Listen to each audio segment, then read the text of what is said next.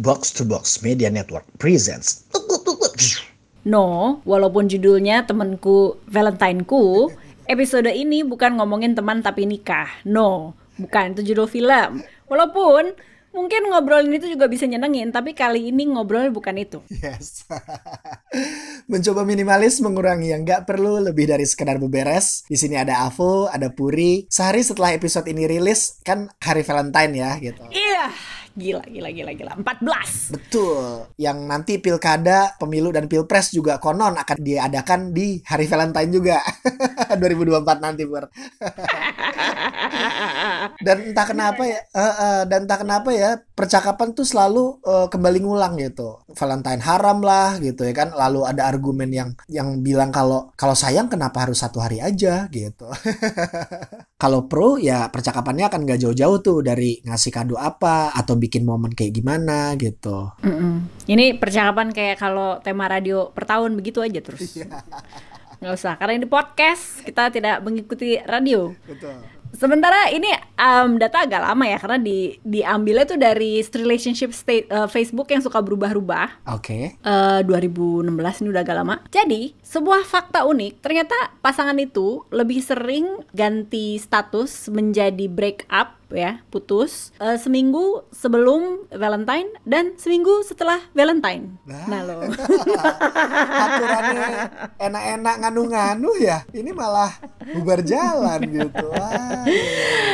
Itulah sebabnya kami tidak terlalu tertarik membicarakan eh, apa hari kasih sayang ini dari perspektif cinta-cintaan gitu ya. Yes. Justru kayaknya yang layak dirayakan eh, adalah same sex friendship, terutama laki-laki. Jadi mari kita rayakan bromance gitu kali ya. Betul. Eh, pertama gue mau shout out dulu sama teman kita Hersal Putra, Yes. at Hersal Putra, aka Papa Baby, yang sekarang menjadi Ajusi Ajusi Talk. Seorang, aduh gue tuh nggak K-pop banget ya, tapi eh, Ajusi tuh kayaknya satu term tertentu untuk kakak-kakak gitu deh, ya nggak sih? ya gue nanya malu lagi yang dengerin Slipknot gimana dah? Terus, ini dua orang hodop ngomongin K-pop tuh gimana? Saya ngikutinnya Big Bang doang soalnya ya kan. Big Bang yang lagi mau comeback tapi TOP keluar dari YG Entertainment. Ah, ah. Yes, Itu. yes, itu itu gue tahu. Cuman itu berita yang agak K-pop yang gue paham. Kita harus undang Hersal untuk ngomongin ini di Tatar kita berdua tuh ya. Sabi. Hey Hersal, um, dia akhir-akhir ini kalau dia lagi kerja gitu ya begadang, ada itu ada adegan dengerin mencoba minimalis tuh. Wih, mantap brother. Lanjutkan. Terima Yes. kasih sumbangan kliknya. Betul. Dan gue tuh baru lihat eh, ini kan analytics kami berdua lah si mencoba minimalis. Uniknya di beberapa episode terakhir, sebenarnya mencoba minimalis tuh selalu punya audiens yang rata seimbang, yang perempuan sama yang laki-laki. Tetapi di beberapa episode terakhir selalu lebih eh, naik sedikit yang laki-lakinya. Menarik ya, apalagi ketika gue pikir kita misalnya ngomongin mindfulness gitu ya, kan gue pikir oh ini mungkin eh, female driven banget kali ya audiensnya gitu. Eh ternyata enggak loh yang dengerin eh, masih lebih naik yang cowok. Gila nggak loh? Di ya? sinilah menarik bukan? Celah. Ini tebakan gue. Menjadi laki-laki di usia apa? 20 plus eh, untuk punya temen terpercaya ngomongin apa aja itu ada tantangannya. Yes. Gak gampang gitu ya. Eh, apalagi eh, dengan natural misalnya di usia 20 plus plus ini temen kita udah nikah, udah punya anak, hidupnya jauh lebih domestik gitu kan ya. Lo mau cari temen baru, cari temen barunya gampang gitu. Tapi cari temen baru yang lo bisa ajak eh, ngobrol yang enggak yang enggak bercanda, yang enggak hobi dan yang enggak ngomongin pencapaian itu bingung biasanya kayak mau ngomongin masa susah gitu kan ya hati ke hati itu ujung-ujungnya ceritanya pasangannya gitu. Cuma kalau pakai pasangan, kalau punya pasangan loh. Betul. Tapi nah ini, ini gue mau cross check ke lo. Ini kan sebuah tesis ya, sebuah dugaan. Lo setuju nggak sama apa yang gue pikirin tadi barusan? Gue sedikit banyak memang masih cenderung punya teman-teman deket cowok yang memang merupakan teman lama. Jadi kalau bicara teman-teman baru yang cowok yang istilahnya bisa solid kompak atau istilahnya sefrekuensi banget itu memang masih struggle tuh pur gitu. Masih struggle pur gitu. Karena selama ini mungkin kalau gue gue bisa bilang ring satu gue sampai saat ini punya sahabat deket itu Comi ya kan kalau buat temen yang tahu ya kan Basisnya payung teduh. Yes. Jadi ngap yang satu ini ya kan bersama Payung Teduh dan Logam Mulia. oh iya dan Logam Mulia. Yes. Kalau dari relasi kita itu memang ya karena udah terbangun dari uh, bertahun-tahun gitu ya. Jadi love language-nya juga udah segmented pur gitu. Yang Jadi, adalah love language gue sama Comi itu sharing meme. itu lu sama gue juga sama. ya kan. Tapi kalau sama Comi ini untuk kadang ada meme-meme juga yang yang mungkin terlalu ekstrim kalau di share ke orang-orang lain gitu ya. Itu itu untuk kita berdua masih acceptable gitu. ya kan. Aduh gue hanya bisa membayangkan sih. Oh, ya. ya kan. Nah, mm terus love language yang lainnya adalah traktir atau masak gitu. Jadi kita mm. kita masak bareng gitu atau saling mentraktir yeah. makanan gitu. Hebat dan hebat kalian itu.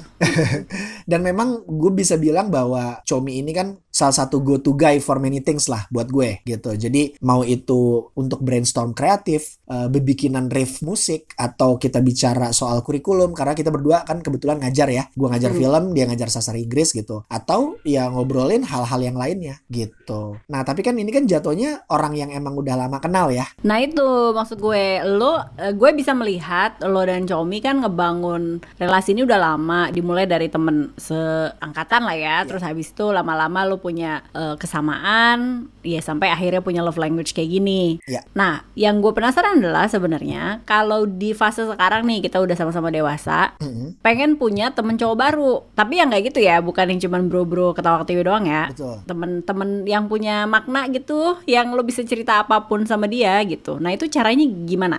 Oke okay, konteks. Jadi uh, abis nonton uh, Saturday Night Live, gue lihat ada satu sketsa. Menurut gue sih lucu ya, lucu karena ada ada benernya tanda kutip gitu. Ini ditulis sama si pacarnya ini Kim Kardashian, yes. Pete, Pete Davidson. Yeah jadi ada adegan cowok sama cewek pasangan gitu sampai pacarnya atau pasangan perempuannya itu komplain gitu. I need you to go out of the house and make a friend so you talk to other people about this stuff and not just me. Gitu kayak udah kayak oh. empat gua empat gua bisa nggak sih lo lo punya kayak lo nggak nggak sama gua aja ceritanya beginian gitu. Yeah, yeah, yeah. ini uh, kira-kira ketakerya ya hubungan yang sudah berapa tahun betul, ini gitu kan. Betul betul betul. Itu kan uh, mungkin semacam tanda kutip bukti bahwa oh iya ya kalau udah punya pasangan, menahun, akhirnya hal-hal yang bermakna tadi lu cuma cerita sama pasangan lo, si cowok nih ya. Iya tapi lo nggak punya temen partner cowok juga untuk ngobrol kayak ginian gitu. Oh. Nah, pertanyaan gue enaknya gimana nih kalau kita pengen punya temen baru di fase itu? Kalau gue biasanya bermula dari hal-hal yang sifatnya uh, aktivitas pur gitu. Jadi uh. Uh, kalau buat cewek-cewek itu kan biasanya mereka bisa ada topik pembicaraan atau topik-topik tertentu yang bisa bikin mereka langsung ikrip nih gitu ya kan. Yeah. Tapi hmm. kalau cowok biasanya itu akan cenderung mulai kenal atau dekat itu kalau mereka berada dalam dalam satu aktivitas atau komunitas gitu. Itulah sebabnya kenapa orang tuh ya ngebela-belain basket pagi-pagi, goes gitu.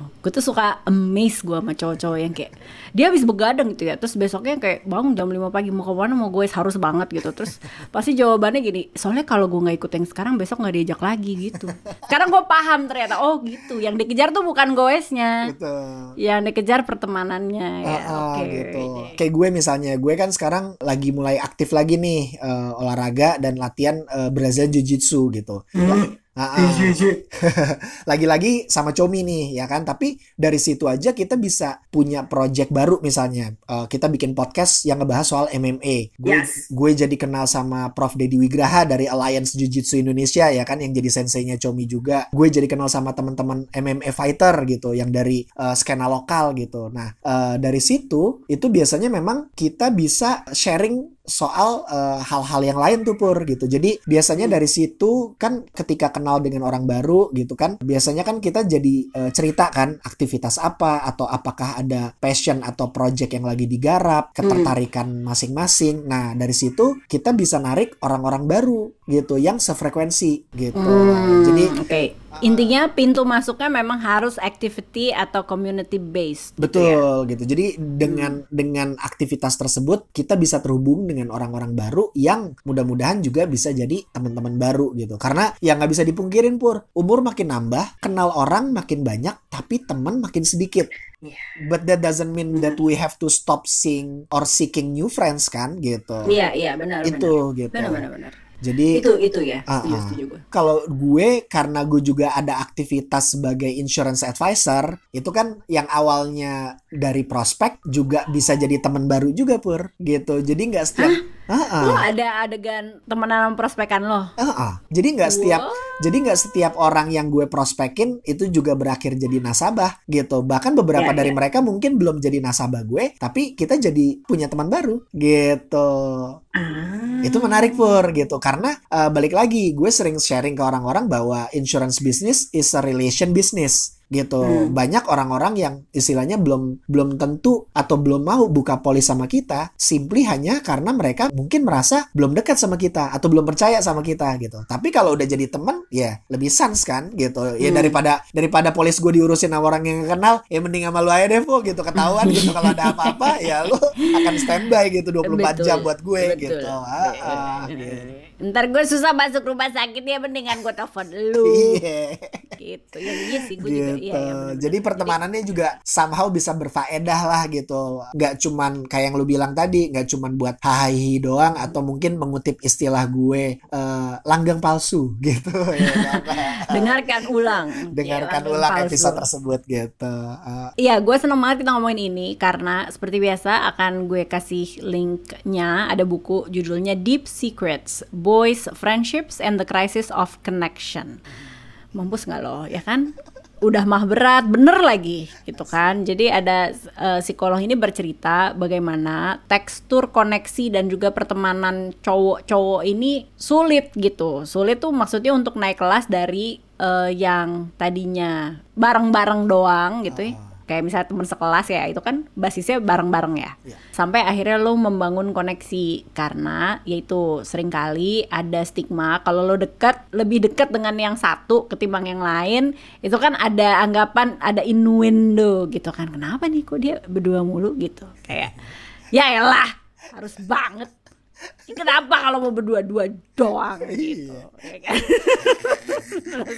yang penting Ya, itu. happy dan gak ganggu orang sah-sah aja betul. Iya Eh, gitu dan ini ini bahkan sampai uh, diulah sedikit lah ya bahwa usia ini udah nggak usia kita ya udah di usia say berapa 50 60 yang nih misalnya ya profil cowok kehilangan istrinya dia tuh jadi bingung dia jadi orang super linglung. Linglung. Nah linglung ada yang kata yang tepat gitu. Karena lah kan gue biasa cerita sama istri gue gitu. Nah sekarang udah menua cari temen sulit nggak ada lagi gitu. Terus itu apalagi di dunia barat ya lebih kayak wah gila sih. Kalau lo tiba-tiba salah baca kesurupan terus ada akses senjata api di mana-mana. Waduh. Iya iya kan iya iya. Dar ya ujungnya Ah, ah. gitu. Ya ini diskusi ya, gue nggak bilang ini adalah solusi, ini adalah harapan sebenarnya bahwa mari kita normalisasi pertemanan cowok yang lebih dari bercanda. Eh, atau menurut gue nih ada kecenderungan cowok tuh kalau bareng ngobrolin tuh emang seru ngomongin statistik, fakta, entah itu misalnya dari match, dari apa pun. Ya tapi percakapannya lu segitu aja gitu, lu ngomongin fakta, lu ngomongin data, lu bercanda, tidak jarang untuk orang yang tidak asik dia akan selalu uh, menampilkan dirinya lebih dari yang lain gitu ya. Kan capek ya bu ya? Eh, temenan sama one upper gitu. Dengarkan saja episode beberes pertemanan untuk uh, mengetahui hal tersebut gitu ya. Gue mau mengakhiri episode ini dengan mari normalisasi pertemanan yang tidak hanya itu khususnya untuk cowok-cowok. Gitu. Buat temen yang punya cerita-cerita serupa nih ya kan mengenai eh, bromance-nya ini bisa DM ke Instagram @mencoba minimalis nih. Jadi silakan follow gue sama Puri di sana. Nanti kita ngobrol lanjut lebih cihuy. Plus kalau lo suka sama podcast ini jangan lupa kasih review bintang 5 ya di Spotify-nya. Thank you for listening. Avo Chaps. Puri out bye for now